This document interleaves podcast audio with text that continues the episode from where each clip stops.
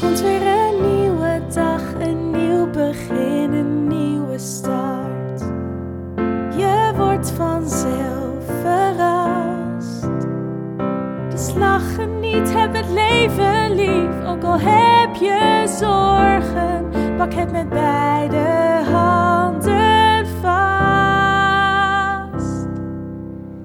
Dit is de Alles is Liefde podcast.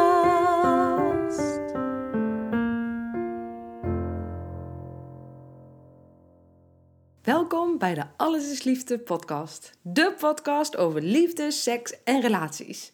Mijn naam is Rianne Roes. Ik ben relatietherapeut en eigenaar van samenalleen.com. In deze podcast ga ik in gesprek met grootheden op het gebied van liefde, seks en relaties. En de kennis en ervaring en inspiratie die ik daardoor opdoe, deel ik graag met jullie. En ik hoop hiermee ook jou te mogen inspireren. Wil jij ook meer uit jezelf en je relaties met anderen halen? Reis dan met me mee met dit avontuur dat liefde heet. Dit is de Alles is Liefde podcast.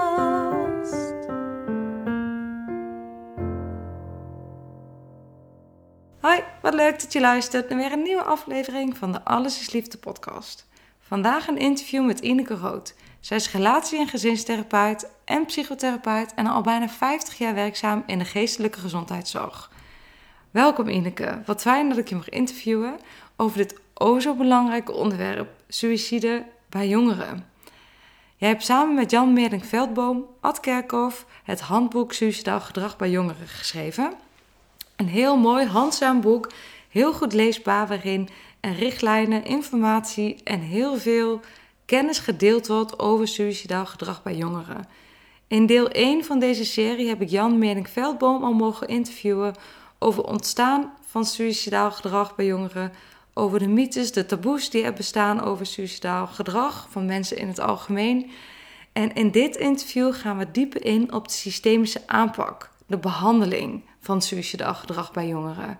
En ik hoop heel erg dat deze serie van twee afleveringen mensen gaat helpen en ondersteunen in het bespreekbaar maken van suïcidale gedachten, van suicidaal gedrag, van uh, wensen over uh, het dood zijn, over het niet meer willen leven in dit leven. En ik hoop ook dat als er mensen zijn die luisteren na dit interview en ze hebben zelf te kampen met suïcidale gedachten, dat zij aan de bel gaan trekken. 113 is een belangrijk um, platform waarbij je je vragen kan stellen, maar ook die je door kunnen verwijzen naar de juiste hulp. Ineke, nogmaals, dankjewel voor dit interview. Ik zei al, we gaan diep in op de systemische aanpak. En systemische aanpak betekent eigenlijk dat je heel erg kijkt naar de mens in zijn leefomgeving. Zo breed als die maar zijn kan. Dus naar familie, vrienden, de sportvereniging, het werk, het huis waar je woont, de cultuur waarin je leeft, het geloof wat je hebt, hoe je zelf in elkaar zit. Allemaal factoren die een rol kunnen spelen in de behandeling van uh, suicidaal gedrag. En in dit geval richten we ons met name op suicidaal gedrag bij jongeren. Dus ik ga je helemaal bevragen over die aanpak, over die behandeling. Wat zijn belangrijke dingen uh, waar je op moet letten? Um, hoe kan het werken? Waarom werkt het? Nou, een heel mooi gesprek. En um, ik begin met mijn allereerste beginvraag. En die luidt: Waar denk jij aan als ik zeg liefde? Liefde. Liefde vind ik een heel mooi woord. Liefde zit het woord lief zit erin. Um, als je iemand lief vindt, als je verliefd bent op iemand, uh, dan is er iets dat je je aangetrokken voelt tot een persoon. Uh, dat je iemand lief vindt, dat je uh, graag wil dat die persoon bij je is, dat je graag wil dat het goed gaat met die persoon. Dus ik denk ook bij liefde aan zorg, ik denk aan bescherming. Um, ja, dat zijn zo een beetje de eerste dingen ja. die in mij opkomen. De associatie die je hebt met, uh, met liefde. Ja. ja. Ja. Mooi. En is het dan, maakt het dan of het in een liefdesrelatie uh, is, of gaat het ook over vriendschap, familie, relaties? Dat, of zijn het woorden die eigenlijk. Uh, het zijn woorden die in, in heel veel opzichten langskomen. Ja. Je kunt liefde voelen voor planten, je kunt Ja. liefde voelen voor de natuur. Kan mij eh, enorm eh, raken als er mooie dingen in de natuur kapot gemaakt worden. Ja, Dat vind ik dan eh, zonde. ja, Liefde staat ook voor samen genieten en samen blij zijn. ja, ja. Het delen. En het, Delen. ja, Ja, het samen. ja samen Het- iets bouwen. Ja, Ja, mooi. Ja. wat een mooie termen weet je er ook allemaal bij, bij te noemen. Liefde is natuurlijk zo'n, daarom stel ik iedereen ook eigenlijk deze vraag. Het is zo'n veelomvattend concept met tegelijkertijd bijna niet in woorden te duiden. Dus Nee. nou ja, daarom, Onder liefde valt natuurlijk ook heel veel voelen. ja, Ja. ja. En dat wat je voelt kun je dan weer verwoorden. ja. Ja. en soms zijn er gevoelens die je hebt waar je amper woorden voor kan bedenken. Ja, Ja, dat kan. Ja. Ja, ja. Hey, en vandaag mag ik jou eh, interviewen over. ehm, ja, ik heb een interview gehad met eh, Jan over eh suicidaliteit bij jongeren. Jan Meringveldboom, hè? Ja, klopt inderdaad. Ja, En ehm, ik zou jou ook graag daarover willen, eh, verder willen bevragen over de behandeling van suicidaliteit in de familiecontext. Omdat de, je bent systeemtherapeut, ja. psychotherapeut. ehm, en ik ben gewoon heel erg benieuwd ook hoe eh, die behandeling zich bijvoorbeeld ook de afgelopen twintig jaar heeft ontwikkeld. Wat eigenlijk nu juist ehm, nou, belangrijke, eh, belangrijk uit onderzoek is gebleken, hè, wat belangrijk is in de behandeling. Dus zou je mij ergens in, de, in, een lijn, in een globale lijn mee kunnen nemen in hoe eigenlijk de behandeling van suicidaliteit in de loop van de jaren eh, ontwikkeld is? Ja. Nou Ja, wat we toch steeds meer uitdragen is dat het belangrijk is dat die jongeren die zich in dat suïcidale leven, die zich zo geïsoleerd voelen, dat het heel erg belangrijk is dat mensen worden betrokken. Ja, Dat gebeurde vroeger veel minder. Het gebeurt nog veel en veel te kort. Maar in ieder geval is het zo dat dat wel steeds meer wordt uitgedragen, zeker door ons ook in het boek. Ehm, we weten ook allemaal dat als een jongere zich zo geïsoleerd voelt dat hij heel smal denkt, in een soort fuik zit waar hij niet zelf meer uitkomt. Dus je moet verbreden. ja, Dus je moet zijn context groter maken. Ehm, en een van de dingen die we al heel lang doen in de gezinstherapie is vragen stellen. En wij noemen dat contextgerichte vragen, circulaire vragen, waarin eh, je de gezinsleden meeneemt in hun denken over eh, wat er aan de hand is, bijvoorbeeld. Mhm. En Ehm, aan, aan wat soort vragen denk je dan? Als je zegt Ehm. circulaire vragen, contextgerichte vragen, wat... Nou, bijvoorbeeld als een jongere heel erg suicidaal is en je zit met, je, met zijn ouders, broers en zussen eventueel, samen in de kamer, dat je aan een jongere de vraag kunt stellen: ehm, stel, jij bent dood. Ehm, wat we natuurlijk niet willen, maar stel, hè, laten we even hypothetisch denken: stel, je bent dood. En je stelt die vraag aan de jongere, dan het feit dat je het woord dood al Mhm. noemt in Ja. de kamer, zo'n taboe. En die ouders zitten daarbij, dan gaan die ouders al rechtop zitten van, hè, wat is er Wat nu aan jij, het doen? wat zeg jij nu? Wat Ja. eng. eh. en dan zou je heel zachtjes vragen van, goh, wie zou jou nou het meeste missen? Nou, dan komt er een emotie in de kamer. Ik kijk dan zo een beetje rond. Dan zie ik broers of zussen die gaan huilen. Of een, een vader is totaal even ontredderd.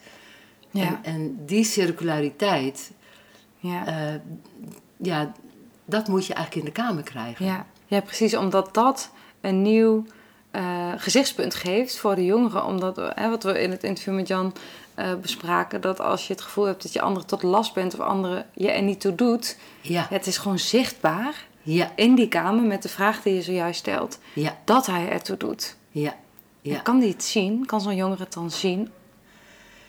Ik heb meegemaakt dat een jongere gewoon enorm schrikt. Dat hij met ontsteltenis naar zijn vader kijkt, die daar helemaal ontredderd is. En dat hij dus op dat moment zijn eigen ideeën moet bijstellen.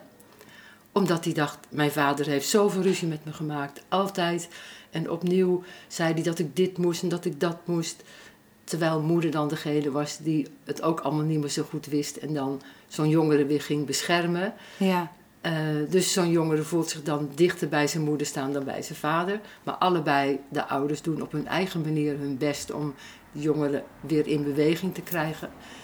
Maar dan is het juist zo goed dat hij ziet dat die vader, naast dat hij streng is en hem probeert op het goede pad te krijgen, dat hij ziet dat zijn vader dus blijkbaar toch ook van hem houdt. Ja. En dat zijn vader geraakt is door die vraag. Ja, ja.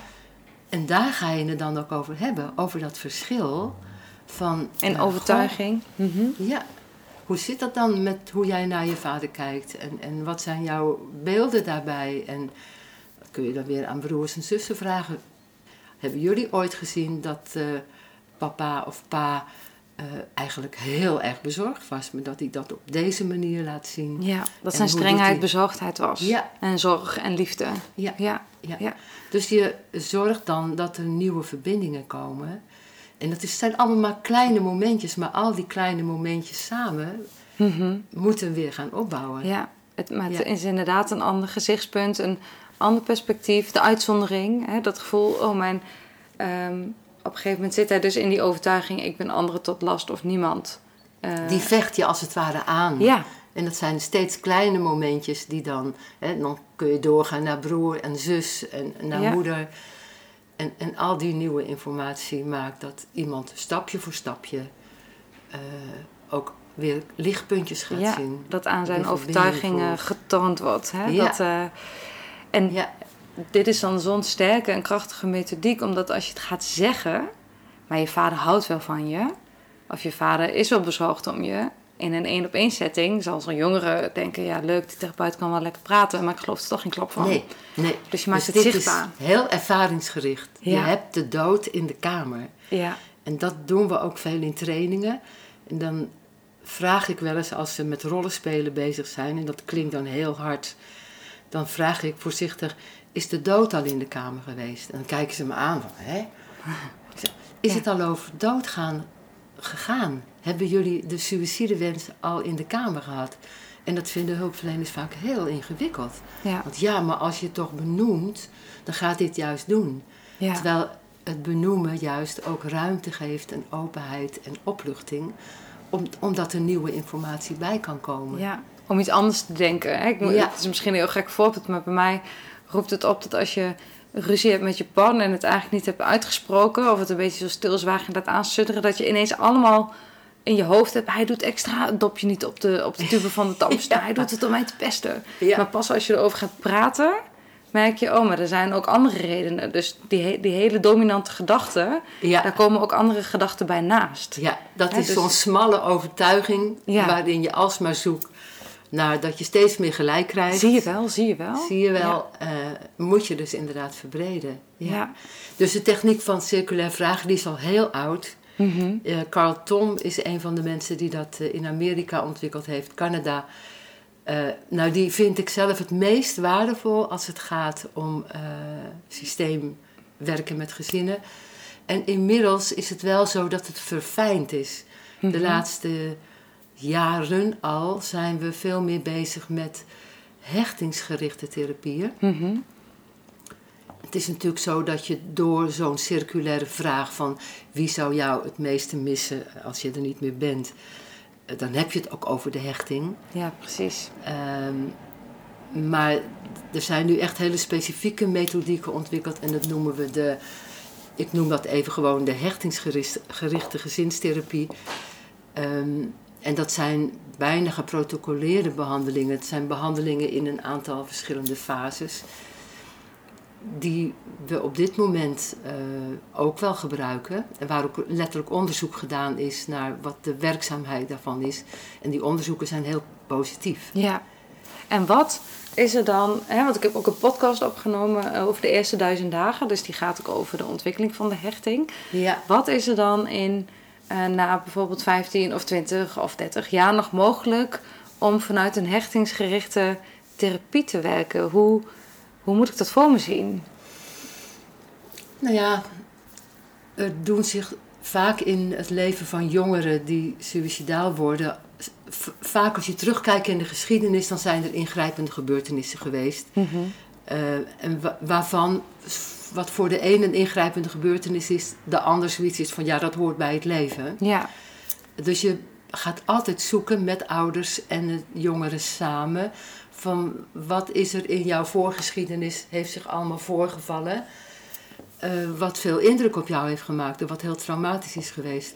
En dan komen er ook vaak verhalen over dat, het, eh, dat ze gezien hebben hoe ouders veel ruzie hadden, hoe er alcohol, drugs, eh, agressie een, rol heeft gespeeld. Waardoor het vertrouwen tussen die ouders en een jongere gewoon geschaad is. Mhm. En je probeert dat vertrouwen, dat, dat kun je op een gegeven moment wel weer gaan opbouwen. Ja. Eh, afhankelijk natuurlijk van de ernst eh, waarmee dat allemaal gebeurd is. Ehm, dus wat je vooral doet in deze hechtingsgerichte therapieën is dat er fases zijn. En een hele belangrijke fase is, is dat de hulpverlener eerst ook met de ouders praat. Nadat natuurlijk eerst met ouders en jongeren een intake is gedaan, eh, wordt de ouders, worden ze erop attent gemaakt en wordt ze geleerd om echt beschikbaar te zijn voor die jongeren. Mhm. Dus als er in die herstelfase, wat een latere fase is, een jongere gaat praten over waar die last van heeft gehad in zijn leven, dat bijvoorbeeld ouders niet gaan zeggen: ja, maar jij deed altijd zus of jij maar. Jij luisterde ook nooit, zo. dus daarom hebben we al Ja. die regels. Ja. Ja, precies. Ja. Dus dat je weggaat uit het oude patroon, want in alle gezinnen bouw je nou eenmaal patronen op met elkaar en is het soms nodig om terug te kijken op hoe hebben we dat gedaan met elkaar. Ja.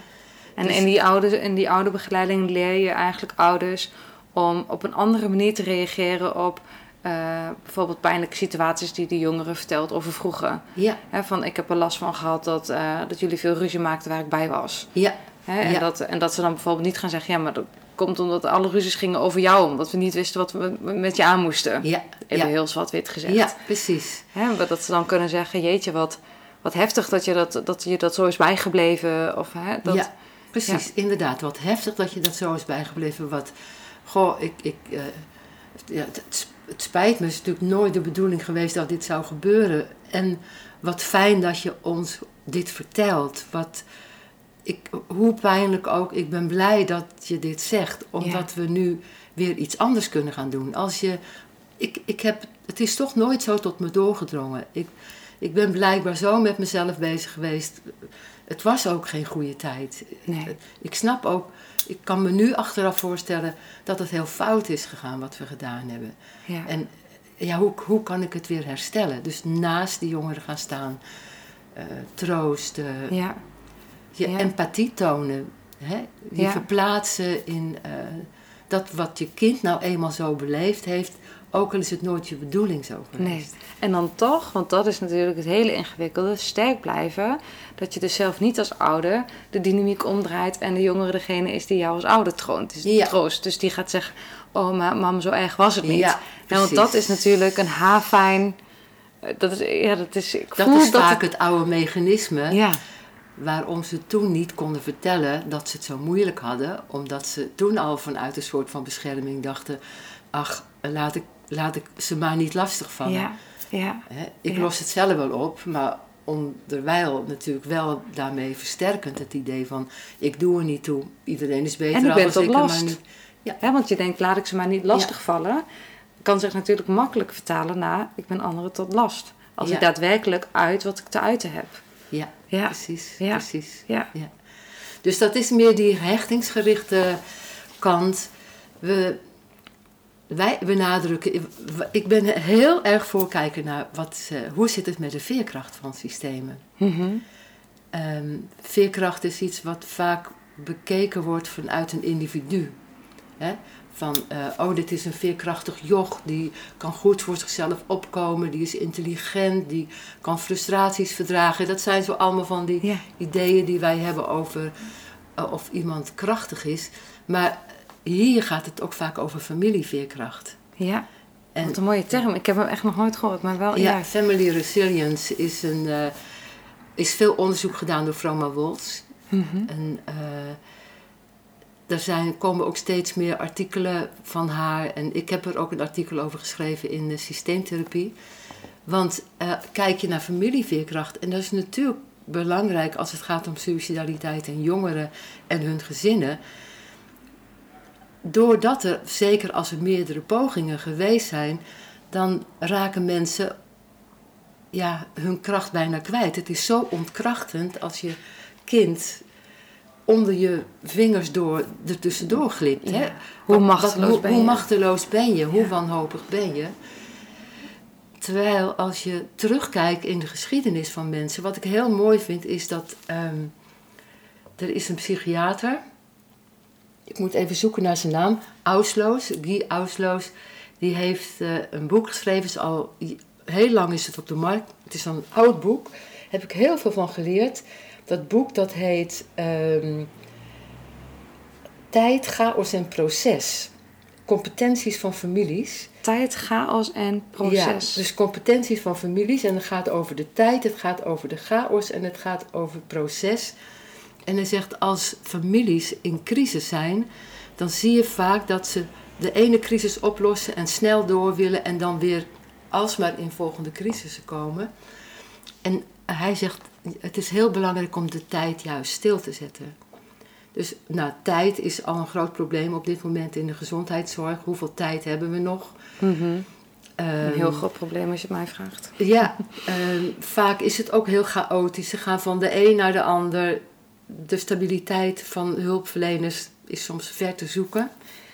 Eh, dus procesmatig met gezinnen werken en rustig de tijd stil mogen zetten en terugkijken naar bijvoorbeeld heel veel overgangsfases die gezinnen al gehad hebben. Mhm.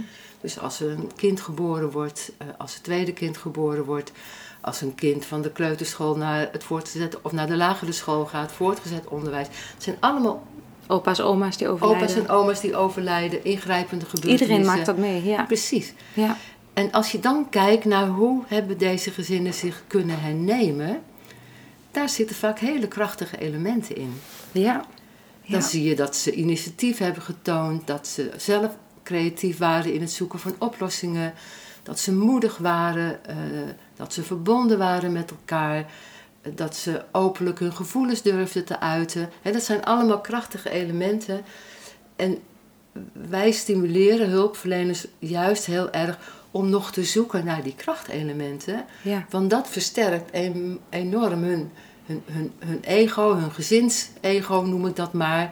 De verhalen die ze Oh. over elkaar als gezinsleden vertellen. Wij kunnen dit aan. We hebben een moeilijke taak te doen, maar we kunnen het dragen. Wij, hebben, wij kunnen dat met zichzelf, met onszelf aan, inderdaad. Dat, ja. Dat, eh, en dat, dat vind ik dus hele mooie dingen, omdat we in de GGZ zo. eh, en we worden natuurlijk opgeleid om naar problemen te kijken. Vaak naar individuele problemen. En vaak naar individuele problemen. En we kijken natuurlijk ook naar wat is er in jouw leven gebeurd. En voor je het weet, eh, zijn ouders de schuld. En eh, ja. zi- zijn er natuurlijk ook dingen gebeurd die zeker niet mooi zijn. Maar het is altijd, denk ik, de intentie van ouders dat ze willen dat hun kind blijft leven. Dat is denk ik, Precies. hè, als je in Nederland vraagt van wat is het belangrijkste voor jou in je leven, ouders met kinderen, dat mijn kinderen gelukkig worden. Ja, dat is echt. En zeker Ja. als het om niet-Nederlandse gezinnen gaat, is dat nog veel sterker. Want die hebben vaak een migratieachtergrond. Die zijn naar dit land gekomen om te zorgen dat hun kinderen het goed hebben. En dat ze het daardoor zelf, als, als ze oud worden, ook goed hebben. Dus dat is zoiets belangrijks. Ja. ja. Dus ook al gaan er een heleboel dingen fout, uiteindelijk zoek je toch weer naar waarin zijn jullie ooit krachtig Ja. geweest. Ja, en in dat wat je net zegt is natuurlijk ook meteen verweven dat het nooit zo kan zijn dat het de intentie is geweest van een ouder om zijn kind moedwillig te beschadigen. Hè? En eh, dat, ja, dat voor ogen houdend, hè, toen ik zelf en op de universiteit zat, dan was het heel erg klinisch. Dus ging het heel erg over, kwam je al snel in oorzaak-gevolg terecht. Dus ook op die beschuldiging. Maar ja, nu Ja. ben ik zelf moeder hè, Ja. en jij bent het. Dus je voelt al dat je weet dat je je kind ergens beschadigt. Je weet het. Want je, maar je wilt het niet. Het is Nee. nooit je intentie. Nee. De intentie is inderdaad dat je kind gelukkig wordt. Dat hij wil leven. Dat hij geniet van het Precies. leven. Dat hij kansen krijgt in het leven. Ja. En als je weet dat je iets doet wat eh, niet fijn was voor je kind, dan probeer je dat altijd weer te weerleggen of probeer je daarover te of te praten herstellen. en ja. bij te stellen. Ja. En, en dat is die vertrouwensband die je op die manier natuurlijk toch met je kind heel wil houden. Maar goed, het, ja, er gebeuren natuurlijk ook dingen in het leven waarmee eh, er ook beschadigingen zijn. Ja. Ja. en wie je ook niet altijd kan beïnvloeden. En waar je ook niet altijd bij machten bent. Daarop, volgens het boekje, goede Goed manier te op te reageren. Want je hebt Ja. ook je eigen eh, beperkingen en je eigen sterke kanten, minder sterke kanten. Je bent ook maar gewoon mens. Je bent niet een robot die een handleiding heeft ingeslikt en vervolgens maar alles volgens een boekje kan doen. Ja, Je hebt ook je eigen temperament en je eigen verlangens. je eigen fundament wat je weer meekrijgt van je eigen ouders. Ja. En dat brengt me dan, als je vraagt naar de ontwikkeling, dan is de, dus de ontwikkeling de hele ten dagen vooral ook die hechtingskant en de veerkrachtkant. Maar wat natuurlijk eh, ook een hele mooie methodiek is, is kijken naar hoe de gezinnen en ook de ouders zijn grootgebracht. Mhm. Dus dat je aan ouders vraagt van, goh, eh, toen u in de leeftijd was van uw zoon, u was 17, hoe zag uw leven er toen uit? Eh, en ehm, waren er ook, gebeuren er ook dingen in uw gezin? Kent u dit depressie vanuit uw eigen familie? Waardoor een jongere soms ook ziet. Ik, ik denk aan een, een jongere die heel suicidaal was en achteraf toch ook wel, ehm, toch wel met autisme te maken had. En hoe we door terug te kijken in de familiegeschiedenis, we ook zagen dat eh, autisme bijvoorbeeld daar misschien ook al wel speelde, maar niet Ja. onbekend was. Nee. Dus En- dan en- voelt hij, ik hoor daarbij. Ja, ik, ik ben een onderdeel van deze familie. En blijkbaar is dat iets waarmee ik belast ben en dat is niet mijn schuld. Nee. Eh, en het, het- ja, hoe raar het misschien klinkt, je bedt iemand daarmee in in een familie. Ja, precies. En- Want je hoort erbij. Je Ja. bent onderdeel van. Dit is Ja. je, je ehm, ja, dat heb je meegekregen. Dit is een stukje van je fundamenten. Dit is een stukje van je identiteit. En dan mag het er ineens zijn. In plaats van Ja. dat je de uitzondering bent en uitgestoten wordt omdat je, Ja. nou ja, niet Ik, past. ik, ik moet ineens denken aan de eh, documentaire In het hoofd van mijn zusje. Ken Die documentaire is van eh 2018 of zo, of 2000. In ieder geval, die is door Ingrid Kamerling gemaakt. Naar aanleiding van de zelfmoord van haar zusje. Ehm, en zij vond het heel belangrijk. Zij is psycholoog, maar ook heeft iets met kunst en met film. En zij vond het heel belangrijk om eh, dat overlijden van haar zus, de suïcide van haar zus, in kaart te brengen. En om te kunnen snappen, wat is er nou in het hoofd van mijn zusje omgegaan? Eh, eigenlijk ook een soort van reconstructie, hè, om Ja. het uiteindelijk een plek te kunnen geven. En zij eh, heeft haar ouders geïnterviewd, ze heeft haar werkgever geïnterviewd, de, de werkgever Van haar zus, de psycholoog, ehm, vriendinnen, eh, de huisarts, althans informatie via via. En wat je dan eh terughoorde, en wat, daar moet ik aan denken, eh, in die verhalen hoor je terug dat zij dan zegt, ik wou dat ik andere genen had. Ja, Ik wou dat ik andere genen had. En die ouders hebben dat wel gehoord. Ja, dat hoor je dan. Hè, zoals ik ook wel eens van ouders hoor. eh, een, een vader die, het is in een andere documentaire, die dan vertelt. Ja, mijn zoon zei dan altijd als hij naar bed ging: Ik ga mijn kist weer in. En dat zijn dan dingen die ze, Ja. als ze reconstrueren en terugkijken, dat ze dan eens zeggen: Goh, dit zijn dus achteraf signalen geweest die, die we nooit zo diep doordacht hebben. Nee. Om, omdat eh, de informatie die ook bij andere mensen lag, bij een huisarts bijvoorbeeld in het hoofd van mijn zusje, hoor je dan terug dat zij wel met de psycholoog had gesproken over het feit dat ze wel aan suïcide dacht. Maar dat ze met de psycholoog had afgesproken dat ze dat nooit zou doen, want dat ze dat haar ouders niet aan zou kunnen doen. Ja, en de psycholoog was waarschijnlijk gerustgesteld, al of niet verwezen door een huisarts, maar daardoor niet meer in contact met een huisarts. Iemand die 23 jaar is, denk je dan misschien niet om de ouders te betrekken. nee. Maar als je in die documentaire terugkijkt op al die verschillende verhalen Mhm. rondom de belevingen die ze hadden aan deze te- ontzettende mooie vrouw Vivian.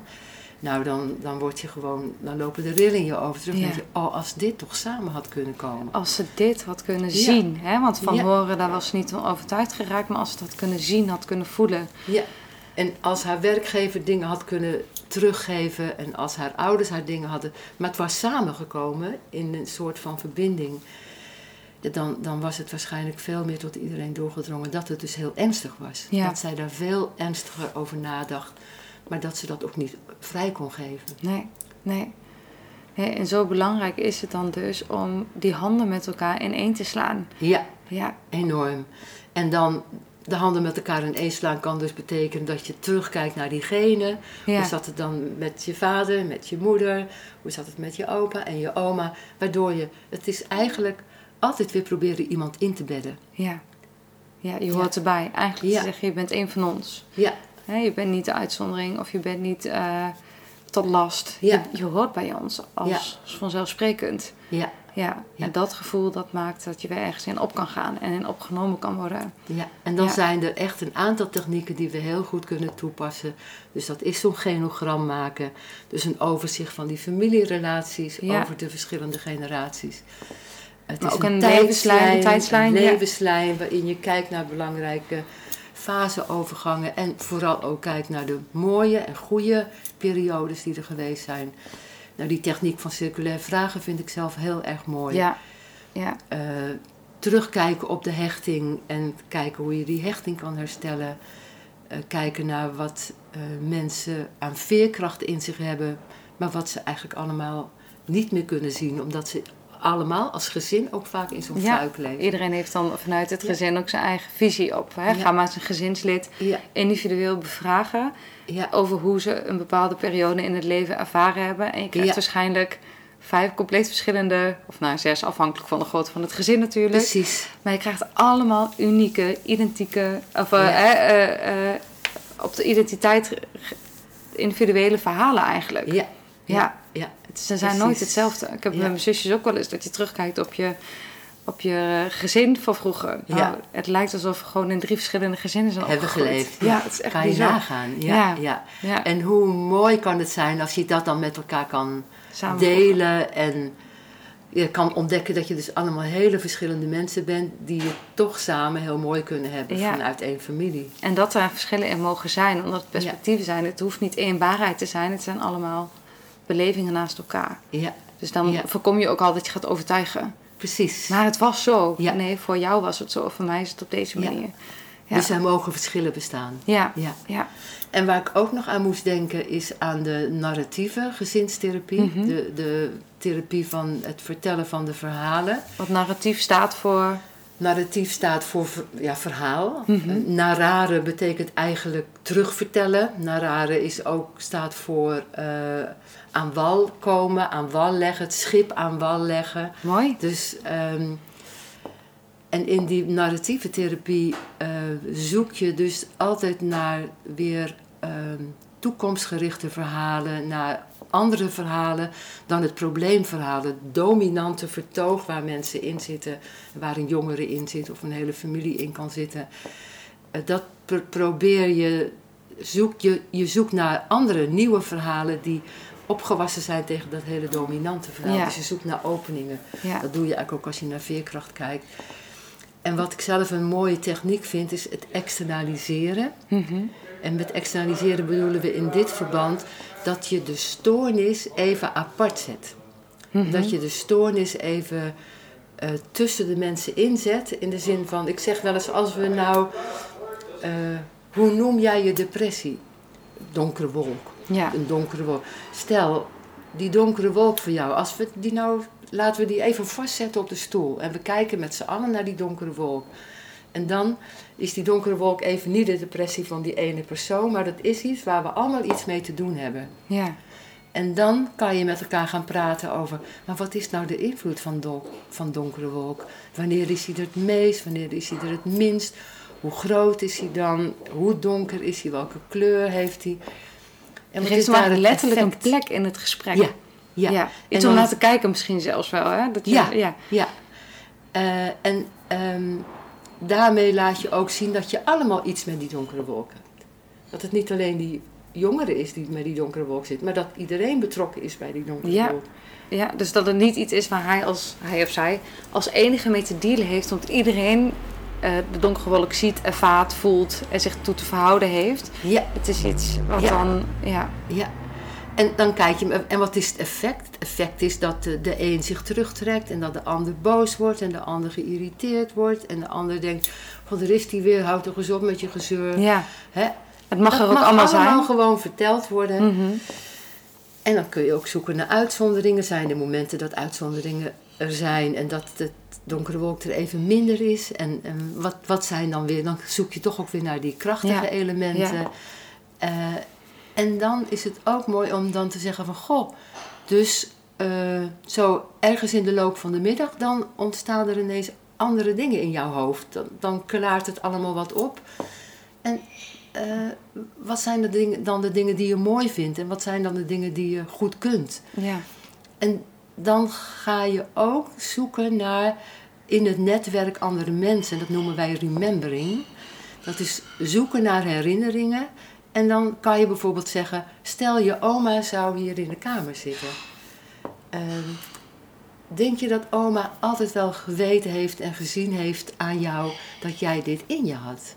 Dat jij dus deze specifieke capaciteit hebt. Dat jij iemand bent die eh, van films houdt en die eh, graag verhalen leest of die van zwemmen houdt. En, en die dan ineens toch weer kracht krijgt omdat hij is gaan zwemmen. Of, Ja. Je? Wat mooi, want je verankert het dan weer. Als, Ja. hè, je maakt het weer een onderdeel van de identiteit. Ja.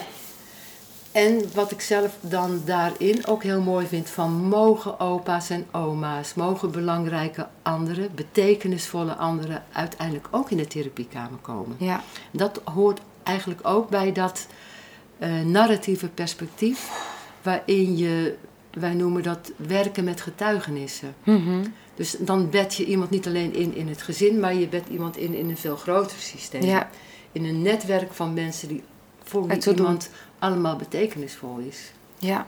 ja, dus je maakt ook de, de, eh, de betekenisvol. Hè, dat je zegt het woord al, je maakt het weer betekenisvol. Het leven weer betekenisvol. Hij is weer een schakel in een, in een, in een veel grotere en langere ketting. Hè. Ja. doet er weer toe, hij heeft een functie, hij, hij Ja. heeft er een plek. Ja, Ja. ja. Wat op mij ook heel veel indruk heeft gemaakt van diezelfde Guy Ausdorf, die schrijft in het boek. Hij, was, eh, hij is, was toen psychiater. En hij had te maken met een man die al eh, meerdere pogingen had gedaan. En dus bij hem op de crisisdienst kwam. En als, als psychiater zei hij toen: Ja, ik ga jou. Je moet hier opgenomen blijven. Je mag niet terug naar huis. Dat kan niet. Ehm, en die had een soort bijna. Ja, ik vond het een geweldige interventie. Waarvan ik denk: Goh, zouden we dat nu nog wel eens doen? Hij zei: Wat ik. Je kan pas terug naar huis. Als ik het gevoel heb dat jij ingebed bent weer tussen anderen. En dat jij met anderen gelooft in een andere toekomst. Zei hij: Ik wil graag dat jij alle mensen die betrokken zijn geweest bij jouw pogingen, dat je die uitnodigt om hier te komen. En eh, dat is die man gaan doen, want hij wilde op dat moment toch wel weer heel graag de vrijheid. Ja, Eh, dus verschillende broers, zussen, tantes, eh, ik weet allemaal niet wie.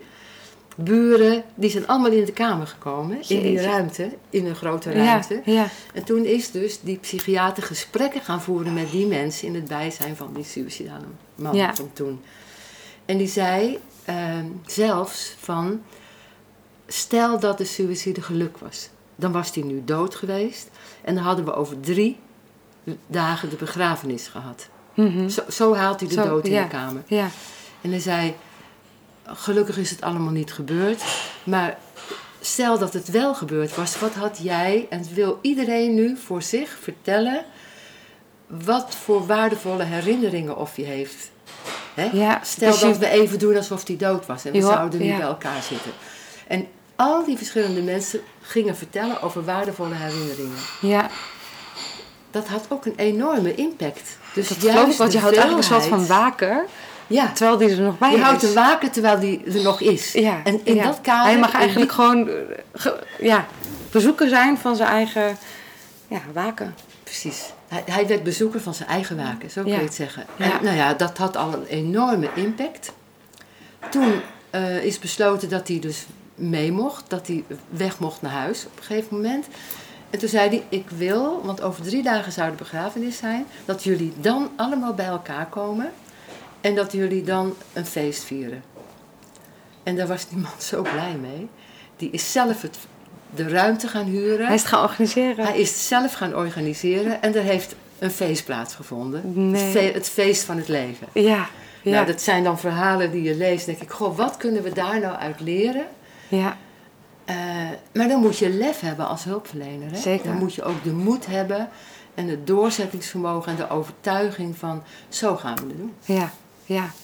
En je moet out of the box durven denken. Ja, Hè? Ja. En kunnen denken, maar ook Ja. daarin, ehm, als je in een wijze van grotere instelling werkt, de facilitering. Hè? Je wil ook graag dat het, dat het kan. maar in de context van hoe we nu steeds kleiner moeten denken en met tijd zitten en met geld zitten, is dat eh, Vrijwel onmogelijk. Ja, in ieder ja. geval veel lastiger.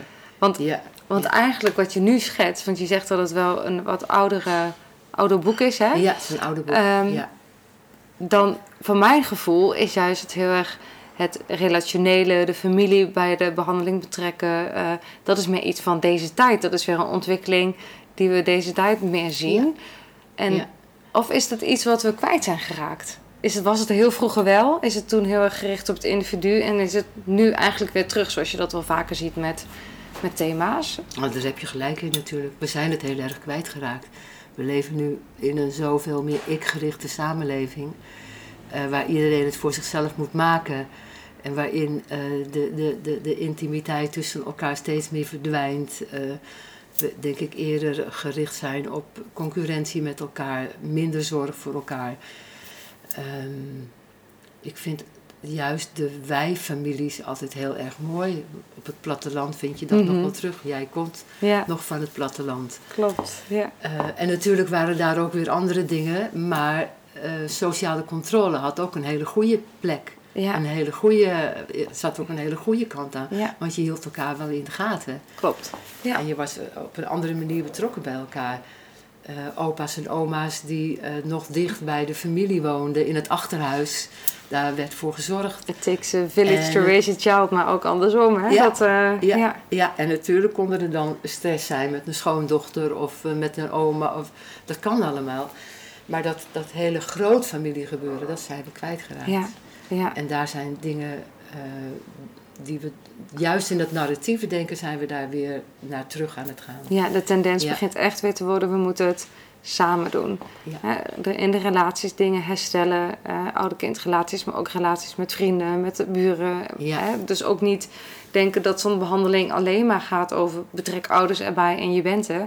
Het Nee. gaat zo over eh, de persoon die met de depressieve gevoelens en de suicidale gedachten kampt, te Ja. verbinden in zijn context van bestaan. Ja, Dat is eigenlijk wat je doet. En die context is dan meer, en zeker bij een jongere, want een jongere gaat zich ook steeds meer losmaken, vind ik niet het goede woord, maar gaat zich anders verhouden tot zijn ouders. Ja, Hè, die, juist dan zijn die vrienden zo belangrijk en juist dan is die studie zo belangrijk. En dan is dat concept van wie ga ik worden in deze grote maatschappij en eh, op wat voor manier wil ik relaties aangaan met mannen of met vrouwen. En die seksuele identiteit, dat, dat zijn allemaal thema's die in die context spelen, maar Ja. altijd in samenwerking met anderen. ja, En ouders worden dan minder belangrijk misschien, lijkt het. Maar uiteindelijk is het wel je basis. het is je fundament. je fundament. Het is, ik eh, Ja. las daar laatst ook iets over in het. Want ze zegt inderdaad altijd dat je je moet eh individueel separeren van je ouders. Maar dat het pas kan als je een bepaald stukje van je identiteit je eigen hebt gemaakt. Kan je je van dat stukje losmaken van je ouders. Dus het is niet zo dat je je maar los moet rukken en je ontwikkeling komt dan vanzelf. Het is pas dat je kan, echt kan separeren op het moment dat je ook dat stukje individuatie, die, in, die identiteit hebt eigen gemaakt. Ja, Want anders is het gewoon scheuren en eh, ja, dan is er niks meer over. nee. Het is toch niet voor niks dat we toch vroeger ook in de gezinstherapie leaving home. Het, het, het, was ook vaak dat jongeren eerst weer terug moesten naar huis Ja, om nog een aantal dingen over Ja. te doen. En ze dan pas eh, Ja. uiteindelijk. eh, en eigenlijk is dat wat jij zegt, die hechtings, ja, ehm, de hechtingsgerichte behandeling, omdat ze eigenlijk misschien vanuit dat ze eerst losgerukt zijn Ja. en weer terugkomen, ja, omdat ze dan met hè, de, de, de nieuwe ontwikkeling die ze toch zelf al hebben doorgemaakt, ja, in die dynamiek tussen hen en ouders dingen kunnen oplossen. Ik heb eens te maken gehad met een jonge vrouw die eh, was een, een, een, een vrij impulsief ehm, enthousiast kind. En dat kind paste eigenlijk niet zo in dat type familie. Dat kan natuurlijk, hè, dat er zo'n vrijbuiter is die al van alles wil. En, eh, dus die ouders vonden het heel lastig om met haar om te gaan. En toen ze op een gegeven moment een jaar of 14, 15, verkering, 16, 17, eh, ze wilde gewoon het huis uit. Ja. En ze, ze was eigenlijk een beetje een last voor de familie. En hoewel ze dat nog helemaal niet aankon, ging ze dus al heel Ja. eigenwijs, veel te jong op kamers, met dat vriendje. Ja, binnen een half jaar ging het natuurlijk helemaal mis met het vriendje. En toen, toen werd ze dus heel suicidaal. Want ja, terug naar huis kon ze nog gewoon tegen haar ouders zeggen van... papa, mam, ik heb me vergist. Ik ben een beetje te flink geweest. Nee, dat, dat kon ze niet Nee. meer. Dus die suicidaliteit stond heel erg in het teken van help me om, om hier uit te komen. Ja. Ik heb toen een gezinsgesprek gehad met die familie. En toen heb ik onder andere die vraag gesteld van wie zou jou het meeste missen? Ja.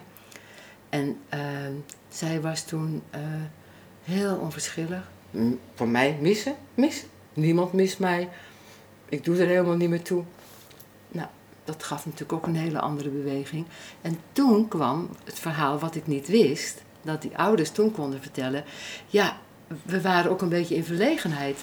Eigenlijk waren we ook wel blij dat het allemaal... Dat jij met dat vriendje verder wilde. Want we wisten ook niet meer zo goed hoe we met je om moesten gaan. Nee.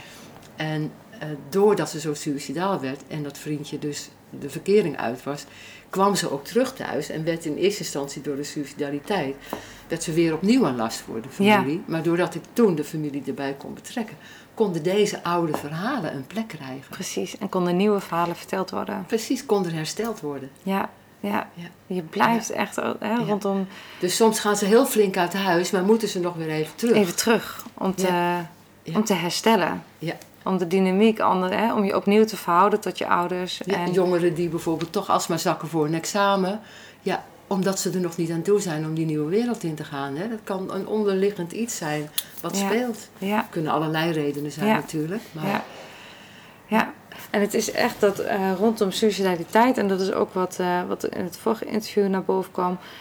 Het is zo belangrijk om erover te spreken.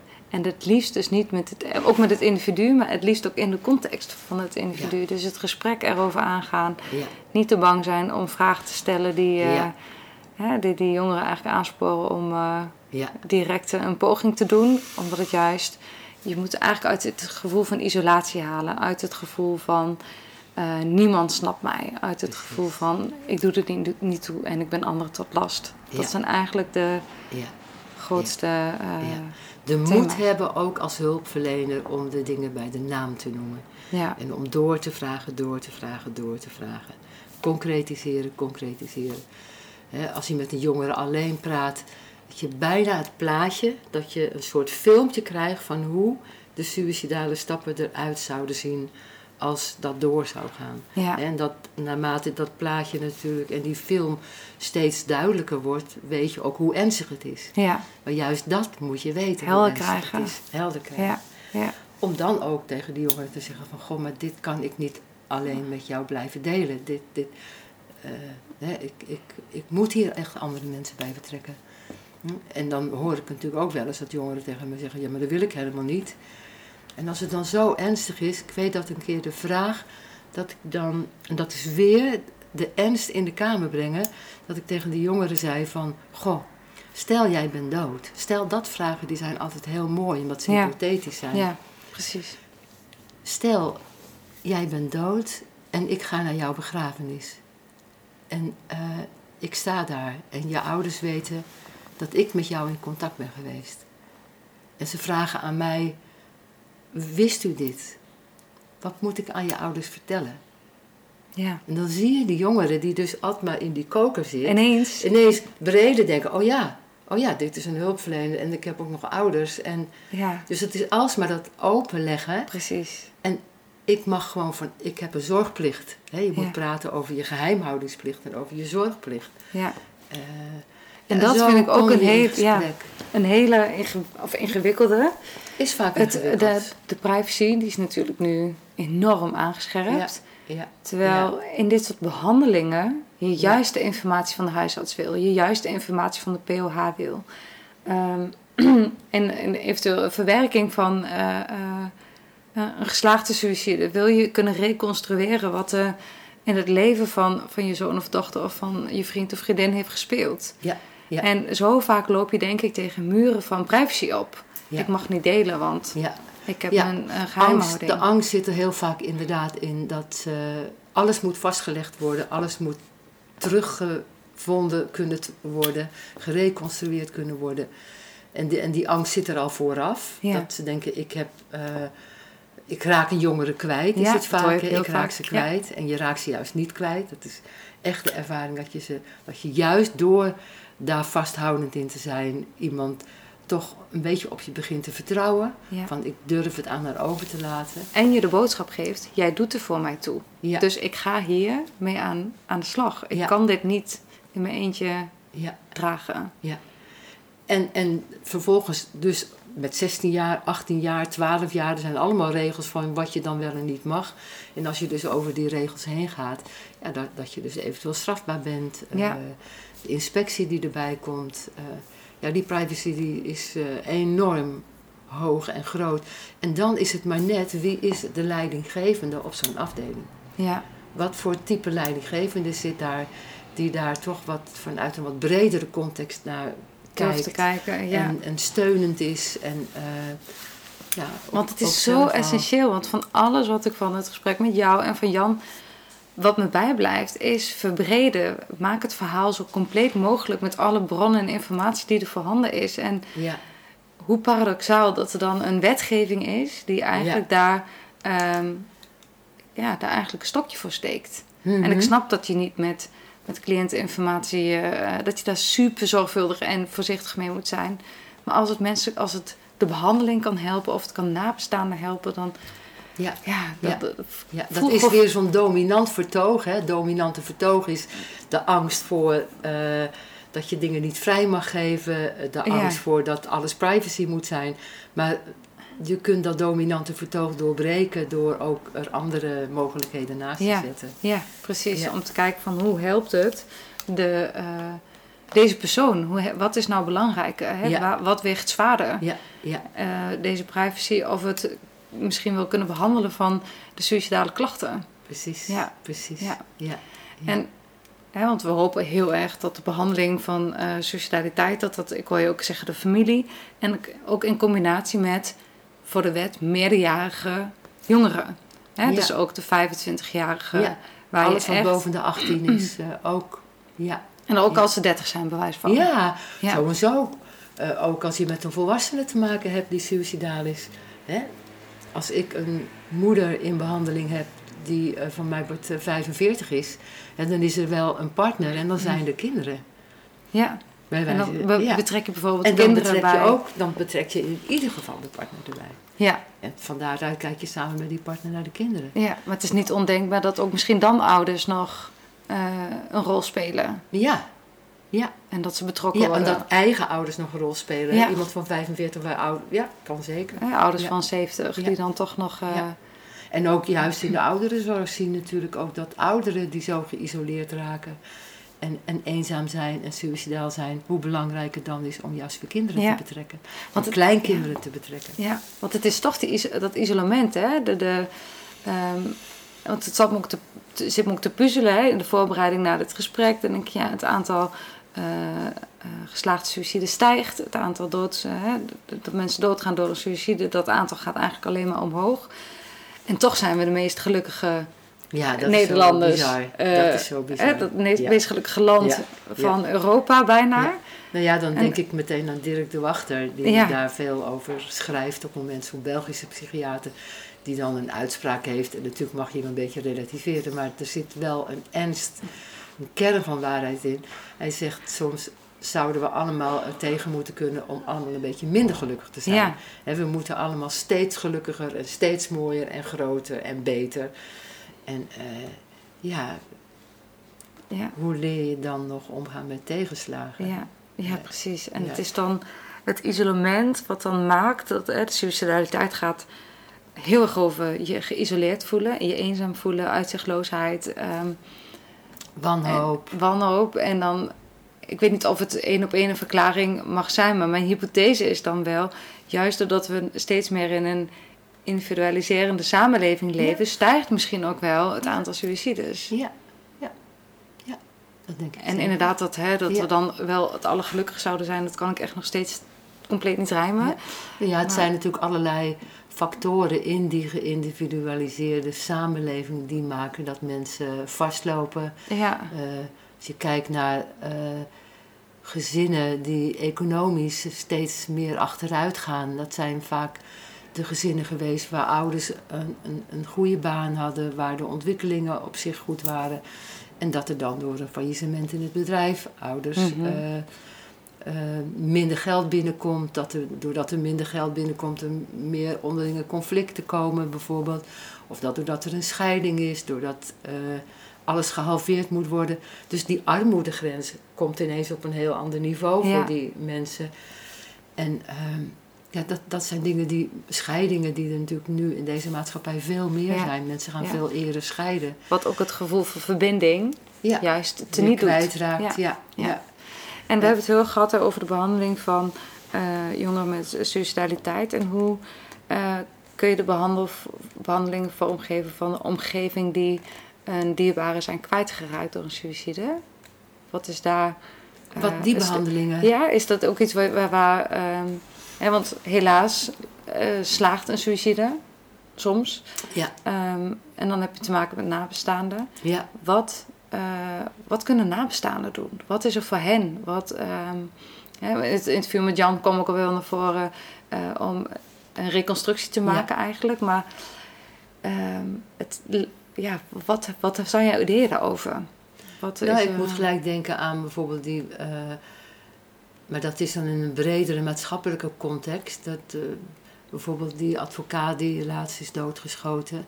Dat er dan. ehm, mensen gaan ergens bloemen neerleggen. Mensen komen samen. Mensen eh, houden een, een stille tocht. Hè. Dat is dan in het, in het groot. mhm, Maar zo probeer je dan ook gezinnen weer tot elkaar te brengen.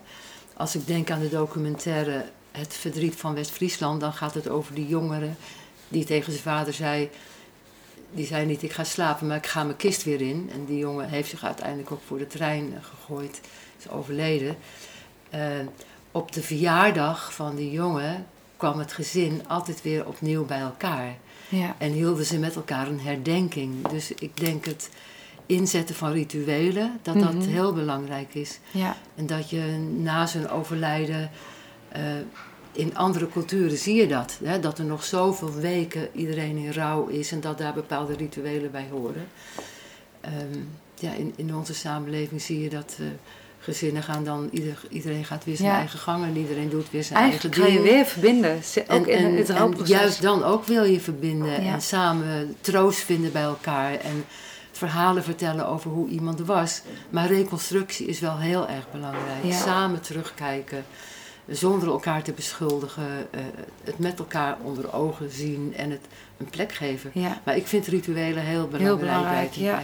En ook juist weer met eh, de intentie om het te verbinden, om het Ja. samen te dragen. Want inderdaad, wat je vaak ziet bij ook hè, eh, sterfgevallen die hè, door ziekte of door een ongeluk, dat wij wel geneigd zijn, tenminste als ik ook naar mijn eigen omgeving kijk, om het in je eentje te dragen. Ja.